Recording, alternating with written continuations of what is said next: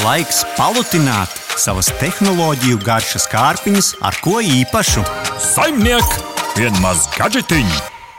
Pagājušā gadsimta vidū Volkswagen uzsāka ražot busiņus ar nosaukumu Type 2, ko mēdz dēvēt arī par hipiju busiņiem. Lai arī esam piedzīvojuši daudzas šo autobusu paudzes, ka tie no maza apaļīga transporta līdzekļa kļuvuši par elegantiem minibusiem, kravas un pasažieru pārvadāšanai, ko plašāk pazīstam ar nosaukumu transporta, tomēr uz ceļa atskatīties liek tieši senākās paudzes Type 2 eksemplāri. Starp citu, Otrās sērijas hipēju busiņus Brazīlijā turpināja ražot vēl pat līdz 2013. gadam, kad tie vairs nespēja izpildīt stingrākos drošības standartus. Bet Volkswagen ir atgriezies pie saknēm un ir iedevis sabiedrībā iemīļotajam Type 2 minibusam jaunu elpu un izpildījumu. Turklāt šoreiz jau ar elektrisku hipiju dvēseli.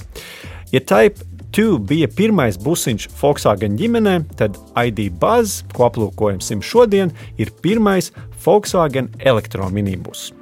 Arī uh, digitālo brokastu komandai šis bija pirmais brauciens ar pilnībā elektrisku mini autobusu. Auto neatkarīgam un neapmaksātam testam mums piešķīra Moller Baltic Import. Jā, būsiņš, kas izceļas ar uh, savu izskatu. Mēģināsim noteikti sarunas otrajā pusē ieskatīt vairāk tās tehnoloģiskās iespējas, bet, protams, jāpiemina arī šādas lietas kā izskats uh, un vispārējais. Nu, jo, jo šīs mašīnas uh, viena no galvenajām vizītkartēm, protams, ir tieši izskats. Nu, kā, kā noraksturoja dāmas, kas devās mums līdzi testa braucienā, smieklīgs izskats, kastīte uz riteņiem, tāds tiešām hipiju vāģis, kuru laikam visvairāk nu, tā uzreiz acīs izceļ gāja tā priekšā ar to milzīgo Volkswagen zīmi, ar to uh, spilgto krāsu un uh, milzīgiem uh, 19 solīgiem riteņiem. Jā, un arī tādu tīklētīgu bumperi. Nu, kopumā ļoti mīlīga mašīnīte. Priekšējā lukturā katreiz piemiedz ar aci, kad uh, mašīna tiek iedarbināta. Jā, pienāk klāt šoferis ar atslēgu un, un aciņas pat pakustās, kas ir nu, interesanti. Katrā ziņā mašīna uz ceļa tiek ievērota mūsu testa brauciena laikā cilvēki pat atskatījās. Es domāju, nu, vai tad uz būsiņa atskatīsies, bet uh, tomēr parunāsim par uh, iekšu, par interjeru. Nu, liels plašums, panelis tāds ieturēts, asketisks. Uh, tu laikam atradi bija uh, uz pedāļiem interesants zīmīgs. Jā, uz brēnas pedāļa bija pauze, un savukārt uz uh, gāzes pedāļa, nu, vai es nezinu, kā pat to pareizi nosaukt, jo gāzi jau tur nav. Pātrinājumi pedāļi. Akceleratora pedāļi laikam, ir play podziņā. Tas laikam laikam tiem, kas izgāž, izgāzušies, ir uh, autoskolā, tad vismaz šeit saprot, pauze aiziet. Ja? tieši tā. Un uh, savukārt rokturos varēja atrast tādas smukas smaidiņas. Mm. Ekrāns uzmontēts uz stūres, tas gan nav pilnīgs jaunums ID, ID ģimenē, jo šāds risinājums šur tur ir, ir, ir redzēts, bet kas ir labi, vienmēr tas tavs šofera ekrāniņš tev ir acu, acu augstumā. Un, jā, nu, ekrāni nebija diezko liela, Rihard, vai ne? Kopumā? Jā, Citos, citos mūsu testētajos autos esam redzējuši arī ievērojami lielākus ekrānus, nu, kā arī tādu iespēju projicēt vadītājiem būtisku informāciju uz priekšējā stikla. Nu, piemēram, Toyota Mire, ko mēs testējām, bija gan lielu tādu mm -hmm. iespaidīgu ekrānu. Jā, nu, konsole pa, pa vidu ārā izņemama centrālā, centrālais nu, nodalījums starp vadītāju un, un pasažieru, gan izjūta kā pašā padusē un aiziet. Jā, tieši tā. Tur viss, kas salādēts iekšā, var ātri izkraut ārā un taisīt pikniku. Bet uh, varētu teikt, ka mašīna kopumā uz praktisko vēstu, nu, kaut vai tas, ka tur ir lielas pudeles ielikt durvīs, divi atsevišķi plauktiņi, daudz vietas, viss kaut kam. Jā, un starp citu, šajā vidus konsolē arī tādi divi, nu, kā lai saka, sadalītāji, kurus mm -hmm. izņemot ārā, viens var kalpot kā leduskrāpes priekš, priekšējā stikla, nu, vai priekš jebkura stikla, un, un otrs savukārt kā pudeļu korķā taisāmais. Nu, droši vien jau kādam bez bezalkoholiskam dzērienam. Mēs devāmies tālākā braucienā uz Kuldīgu, lai patiešām pārbaudītu, kā tad uzvedās uz dažādiem ceļiem, tā skaitā, kā tā baterija tur ziemā un augstumā. Nu, kopumā laikam jau ērti priekš tādiem nu, pārbraucieniem. Pieci cilvēki noteikti var ērti sasēsties, vai ne? Jā, noteikti. Un, uh, es domāju, ka arī aizmugurē ir ļoti daudz vietas bagāžniekā, bet nu, uh, diez vai var ievietot lielu velosipēdu. Nu, es teiktu, tā, ka bagāžnieks ir tik liels, ka to vietu dažkārt pat nevar izmantot pilnībā. Tā ir kā liels, bet it kā arī netik liels. Plats dziļš, augsts, bet nepietiekami dziļš, lai ielikt velospēdu. Labs salīdzinājums īstenībā. Nu, tur tos sēdekļus var pabīdīt, atvēst. Sēdeklīti bērnam arī var ielikt, jāceļ gan, gan nedaudz augstāk. Bet kas bija interesanti, nevarēja atvērt aizmugurē logus vaļā. Nu, tur nevar norulēt. Nu, jā, viņš veidā. tomēr ir arī transporta busiņš, ir iespējama arī tāda modifikācija. Un tad, nu, sanāk, jā, kad arī šim te um, nu, aizmugurē sēdošajiem tāda nedaudz sajūta kā kravai, vai ne? Taisnība. Bet labi, pietiek jūsmot par to, kā izskatās. Parunājam vairāk par tādām tehnoloģiskajām lietām. Sāksim ar to elektrofaktoru. Tas ir tas, kas šo busiņu izceļ. Kas tev ir tas, kas ir palicis atmiņā no mūsu brauciena? Uh, nu, protams, kā jau kārtīgi elektroautorāta uzrāviens sporta režīmā, režīmā bija pat negaidīt priekš busiņa, manuprāt, gana, gana labs.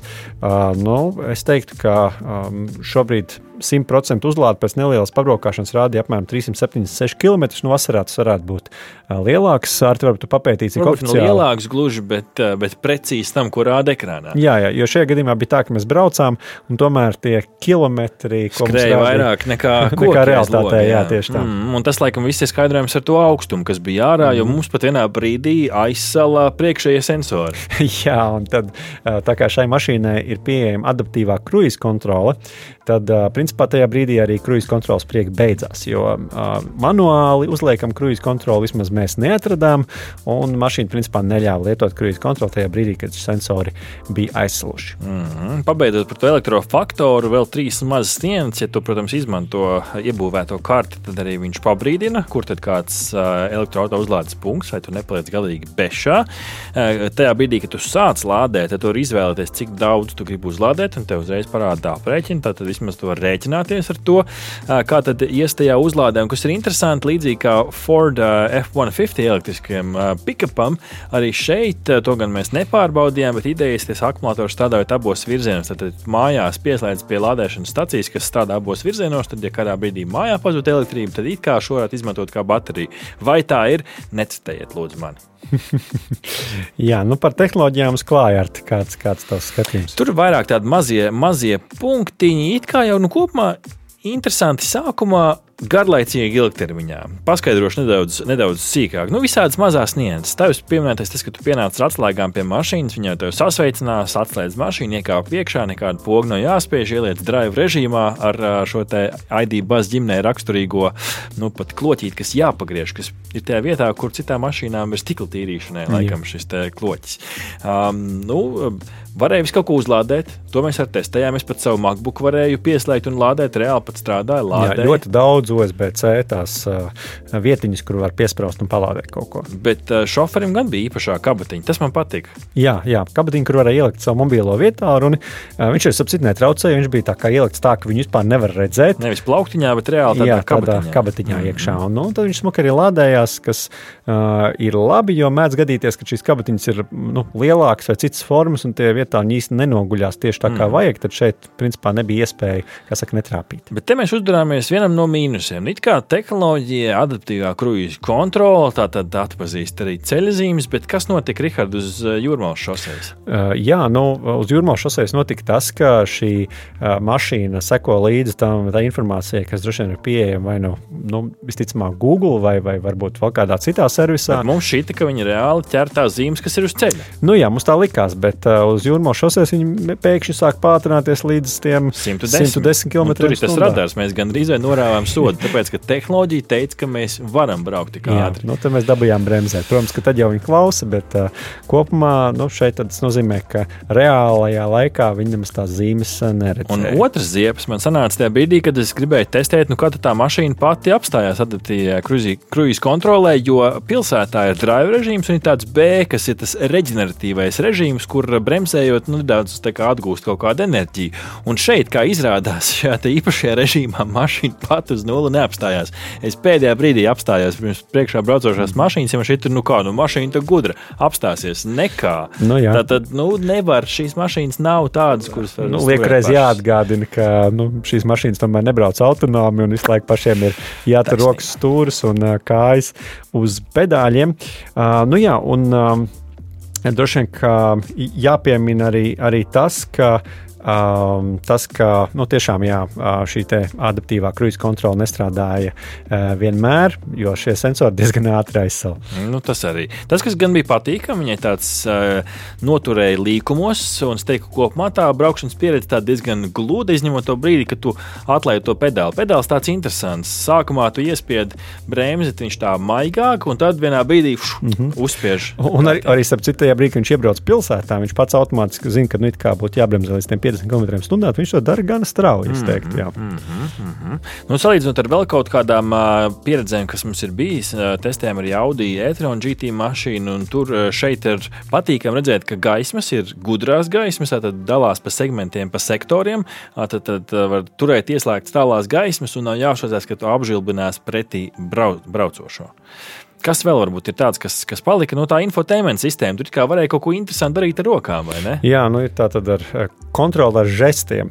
Nu, jāatzīst, ka man sanāca katru trešo reizi. Kaut kas tur līdz galam nebija. Tā kā izklausās labāk, nekā Varbūt mēs neprotam pareizi vicināt. Bet tas, kas man tur patika, ko es atradu, bija tas, ka tu skaņu vari ērti pārbīdīt starp pasažieriem mašīnā. Tādu vieglu kontroli, tad, tad piemēram, jāizmēģina bērns ar balto troksni, tad viņi var aizbīdīt to troksni vairāk aizmugurējā sēdeklī un pats neaizmigt pie stūres. Tas gan. Līdz ar to es teiktu, kopumā interesanta mašīna, bet nu, tehnoloģiski gan šī mašīna ar laiku, laikam jau pie labām lietām pierod ātri, Rihard, vai ne? Jo pēc nu, tām divām dienām pie, pie stūres, nu, it kā nešita vairs nekas tik iespaidīgs, kā, kā liecina šī cena. Taču mūsu viedoklis, protams, ir īsu testētāju viedoklis. Mēs mēģinām noskaidrot, ko par šo domā cilvēks, kurš reāli ikdienā daudz brauc ar busiņiem. Mēs ikdienā, Rihard, pārvietojamies ne ar busiņiem. Līdz ar to mēs esam atbraukuši šobrīd uz Kuldīgu pie kuldīdznieka Leona Dadzīša, kurš ikdienā pārvietojas diezgan daudz ar busiņiem. Leon, kādas pirmās sajūtas piesēžoties pie Volkswagen ID bazas stūres? No pirmās sajūtas bija tiešām jocīgas, jo pirmkārt ar elektroautorātu nekad nebija braukts. Un bija izmantots pārsvarā Volkswagen Crafters. No salīdzinājums ir ļoti, ļoti atšķirīgs. Tā tad pirmkārt, liekas, ka ar elektroautorātu tiešām ir ļoti viegli pārvietoties. Vadāmība ļoti viegla, pātrinājums patīkams. Praktiskajā nozīmē nu, tur ir gan divējādi, jo, teiksim, Aidibās būsiņš ir nu, kā to ņem. Ģimenes vajadzībām, pēc manuprāt, viņš ir pietiekami labs, liels, arī bagāžnieka telpa ļoti plaša. Bet tieši komercvajadzībām, nu, tur gan viņš tā kā liekas par mazu. un arī, protams, komercvajadzībām arī nobraukuma attālums, sniedzamība nu, nebūs pietiekama. Tas būtu tikai domājams pilsētas kaut kādās robežās, varbūt nedaudz ārpus tām Jā, pie tam aizmugurē jau krāsa rinda arī nevar izņemt laukā. Līdz ar to vismaz šai, šim modelim, līdz ar to tur aizmugurē tik daudz vietas, cik ir, tik ir. Tur ir ko vairāk. Kas ir eh, svarīgākais eh, praktiskā viedokļa cilvēkam, kurš ikdienā pārvietojas ar busiņu, vienalga vai tas ir cilvēku pārvadāšana vai, vai kravas pārvadāšana? Kas ir tās lietas, kas beig beigās praktiski ir svarīgas? Nu, pirmkārt, svarīgākais, kas liekas, ir gan busiem, gan arī visām pārējām mašīnām, automobīļiem. Nu, protams, ka tā ir drošība. Tā kā līdz ar to, ka vadāmība bija ļoti viegla, bez jebkādiem aizķeršanām, es domāju, ka tādā ziņā ļoti lieliski, nekādas problēmas. Arī stabils šeit braucot nu, tādā šļūdonī, kā jau zima, nu, tāds atpūsnis, vadāmība bija laba. Mm. Un eh, cik liela loma ir tam eh, nobraukumam, vai ar šādu auto gribētos dzīvot Kuldīgā? Kuldīgā iespējams, ka jā. Jo šeit attālumi ir ļoti niecīgi, kur būtu, pār, nu, kur būtu jāpārvietojās. Es domāju, ka ļoti iespējams, ka jā.